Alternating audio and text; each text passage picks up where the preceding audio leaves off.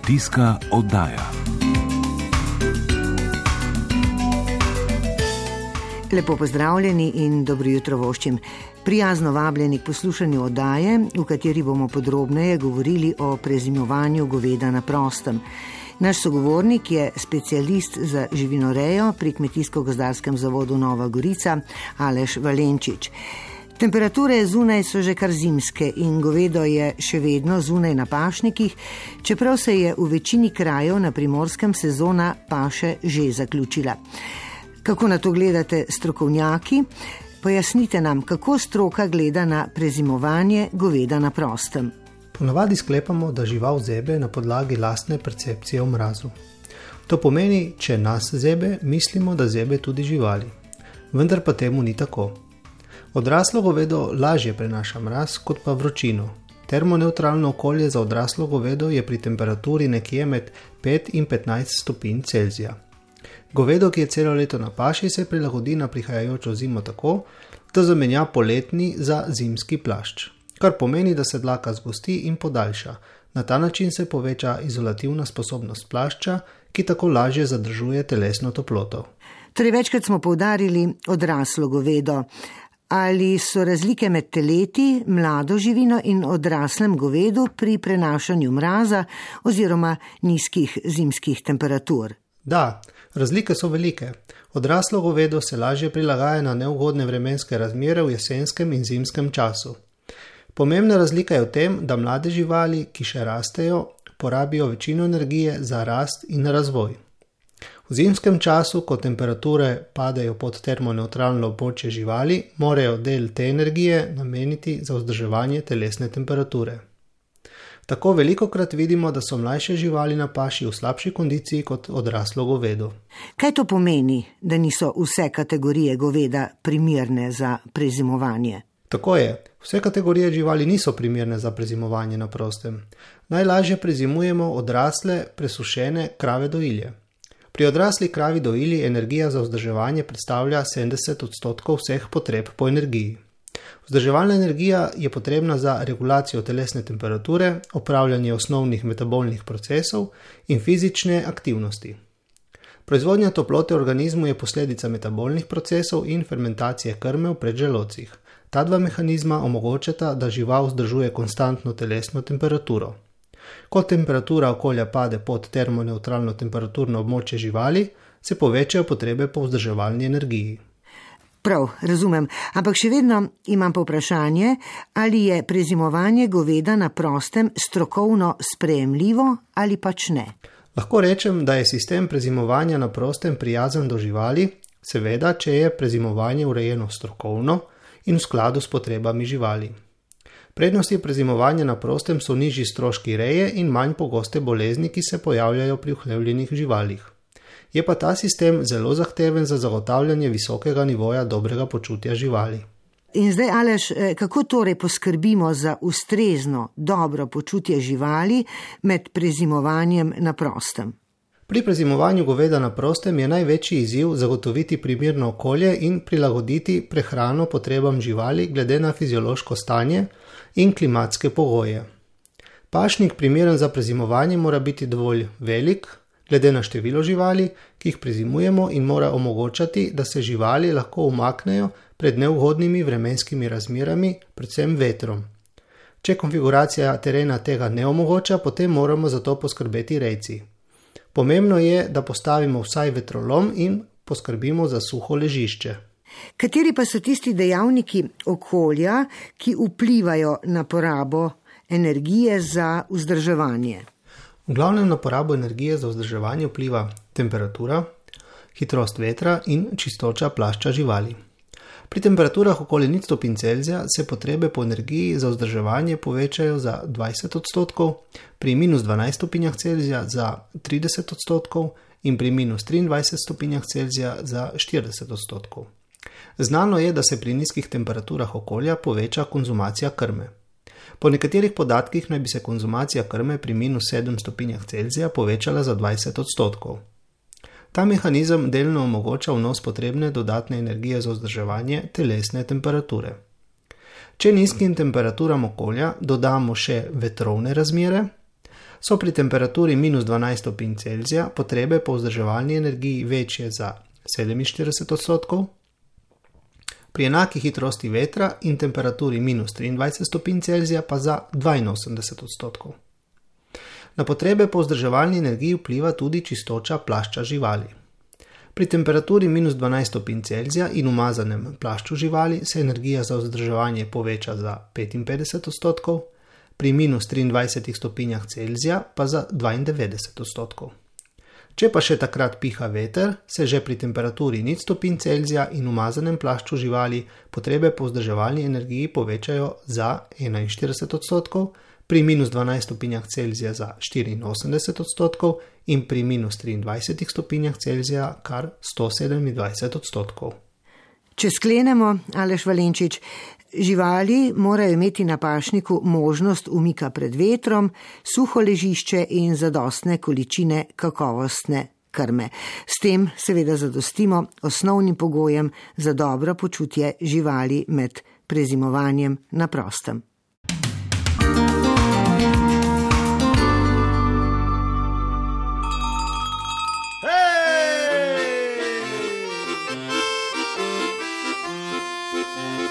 Bašku sem v mih naštala, kar jaz bi rad kmeta ulihan mala. Sem jim uadna kuram, pa en hapetelina, devka bi mih ne piščeta naredila.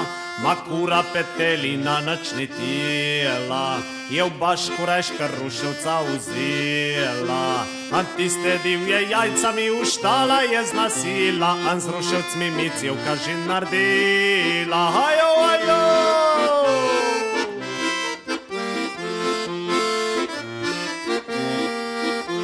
V bašku sem uštimu mih naštala, kar jaz bi rad kmeta ulihan mala.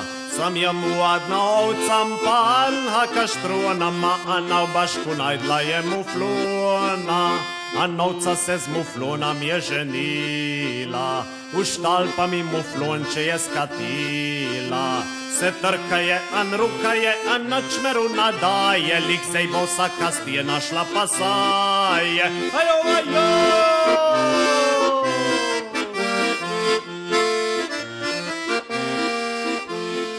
Bašku sem uštimu mih naštala, kar jaz bi rad kmeta ulihan mala. Sam jam ładna kucan, za njo še enha prasca, ma ana v bašku najdla je merjasca. Sta duha not pa hrmeh se lavila, duo vijeki vse v krb sta zahrešila. Ankar nankar za saba je trap kočkov prpeljala, lihkaj deštale cile ni zarala. Ajo, ajo!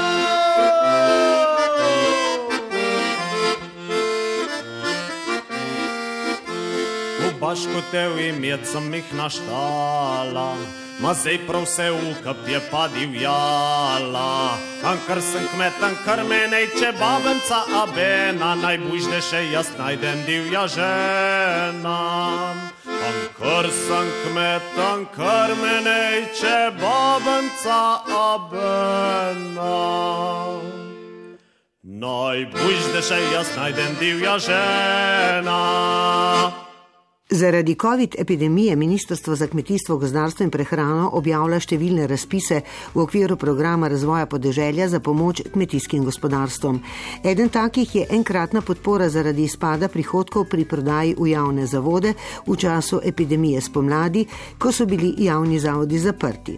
Enkratno pomoč upravičenci lahko uveljavljajo do 24. novembra. Pogoji, ki jih razpis določa, pa so visoko postavljeni in jih kmetje ne dosegajo dosegajo. Razpis za podporo zaradi izpada prihodkov pri prodaji v javne zavode v času pomladanske epidemije je namenjen kmetijam ter mikro, malim in srednjim podjetjem. Med kmeti so upravičenci tisti, ki so utrpeli več kot 30 odstoten izpad prihodka v treh mesecih epidemije oziroma najmanj 7 tisoč evrov, med podjetji pa tisti, ki so zabeležili najmanj 50 tisoč evrov izpada. Gre za razmeroma visoke pogoje. Kako so razpis oblikovali, pojasnjuje vodja sektorja za strukturno politiko in razvoj podeželja na kmetijskem ministrstvu Andreja Komel. Dodatno k temu, ko je Evropska komisija s premembo Evropske uredbe 1305 dala državam članicam možnost za izvedbo novega tako imenovanega COVID-19 ukrepa v okviru izvajanja programa razvoja podeželja kot podporo najbolj prizadetim kmetijam in malim in srednjim podjetjem, smo pristopili tudi k oblikovanju tega ukrepa. Vse z namenom, da pomagamo še tistim, ki so morda bili prezrti pri uh, drugih ukrepih. Pri snovanju tega ukrepa je bilo potrebno upoštevati omejitve, ki izhajajo iz Evropske uredbe. In sicer ukrep eh, naj naslavlja druge vsebine, kot jih naslavljajo drugi COVID ukrepi, torej izogniti se potrebno tako imenovanemu dvojnemu financiranju, torej podpori za iste vrste pomoči. Pomoč mora biti v obliki pavšalnega nadomestila, torej ni možno oblikovati pomoči v obliki deležev glede na izpad dohodka. Z EU uredbo pa je bila tudi določena zgornja meja podpore in to je 7 tisoč evrov za kmetijska gospodarstva in pa 50 tisoč evrov za mala in srednja podjetja. Določeno je bilo tudi, da višina podpore ne sme presegati ustvarjenih prihodkov v opazovanem obdobju. Podatke o realizirani prodaji so pridobili iz javnih evidenc Urada za javna plačila in na tej osnovi opredelili upravičence. Med nekaterimi kmeti, ki sodelujejo z javnimi zavodi, smo preverili, ali so se prijavili na razpis oziroma kaj o njem mislijo. Katarina Bezjak, zelenjadarstvo Čebron. Naša kmetija sodeluje z enim vrtcem in eh, eno osnovno šolo v Novi Gorici. Zaenkrat se za več sodelovanja nismo odločili, ker tudi uh, fizično ne zmoremo. Vendar se mi zaenkrat ne bomo uh, na to prijavili, tudi zaradi tega, ker uh, ne dosegamo teh omejitev oziroma teh točk. Tudi kmetija oziroma sirarna Kramer iz Zatolmina sodeluje z nekaterimi javnimi zavodi. Do pomoči iz aktualnega razpisa niso upravičeni, pove David Klinkon. Predvsem so veliko krat so nastavljeni tako, da so toliko široki spektri, da v bistvu ne moreš. Večinoma kmečki predelovalci imamo par izdelkov, ne? in razpis je pa nastavljen tako, da moraš imeti, da moraš pokriti, ne vem, ogromno količino izdelkov, ki jih pač ne moreš zagotoviti in pa spet izpadeš in, in se pač sploh ne moreš prijaviti ali pa v bistvu brez veze, da se prijaviš, ker že tako tako veš, da, da ne boš prišel čez. Ne? O razpisu pa dodaja. Ja, so narejeni so za velike ali pa za neke grosiste, ki, ki ponujejo celo paleto izdelkov. In tu spet, in spet si v tisti verigi začarani, kdo bo koga, kdo bo komu očkrtnil tisti košček pogače in spet v nekem mlinu, ki melje, na koncu pa ugotoviš, da dosta od tega mlina sam nimaš. Tako, ker se pro, promovira zdravo hrano, pa ne vem kaj, ne, po drugi strani pa da bi to zdravo hrano prodelal za par centov. To, to ne gre skupaj. Ne. Tu manjka neka lo, zdrava kmečka logika, da, da to ne gre skupaj. Ne. S podobnimi težavami se je srečal tudi zasebni zavod Potencial inštitut iz Lokovca, ki se z dobavo doma pridelane hrane javnim zavodom intenzivno ukvarja že dobrih pet let. Sodelujejo z večino javnih zavodov na Goriškem in širše po Primorski ter Sloveniji.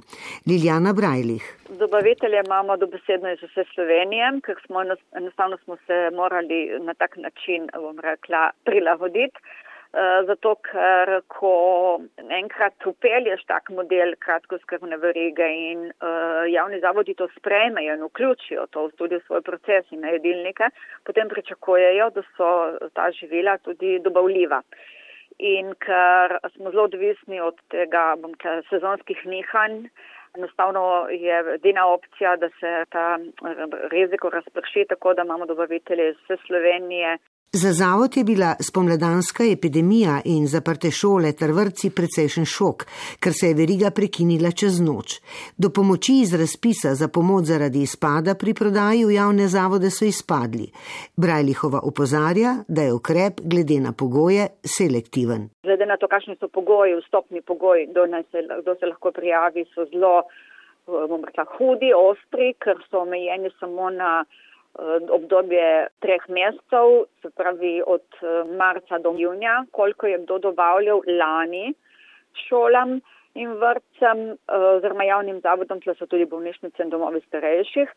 Kar se tiče pravnih oseb, pa je spet vstopni prak 50 tisoč evrov v obdobju treh mesecev, kar dosegajo samo veliki in ti veliki so pretežno uvozniki.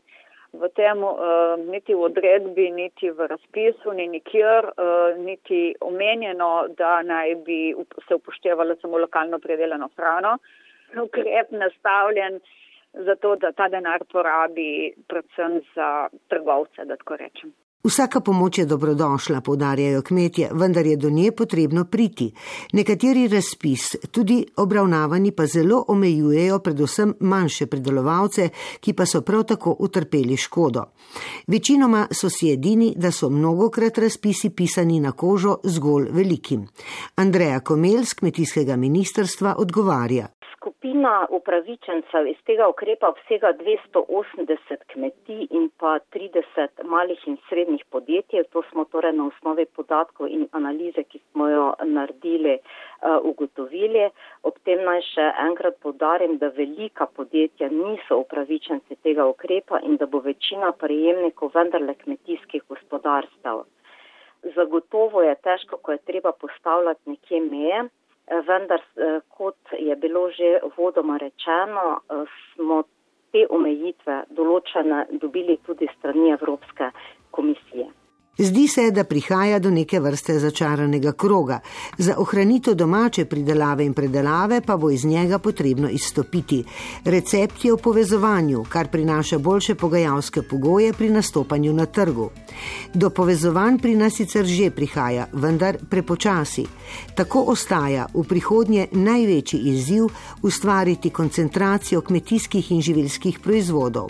To je namreč tudi eden nosilnih stebrov prihajajočega programskega obdobja.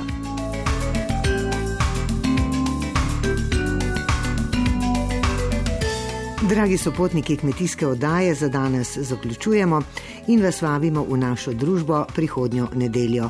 Dotlej pa želimo vse dobro. Ingrid Kašca Bucik in Igor Valentinčič. Pa srečno!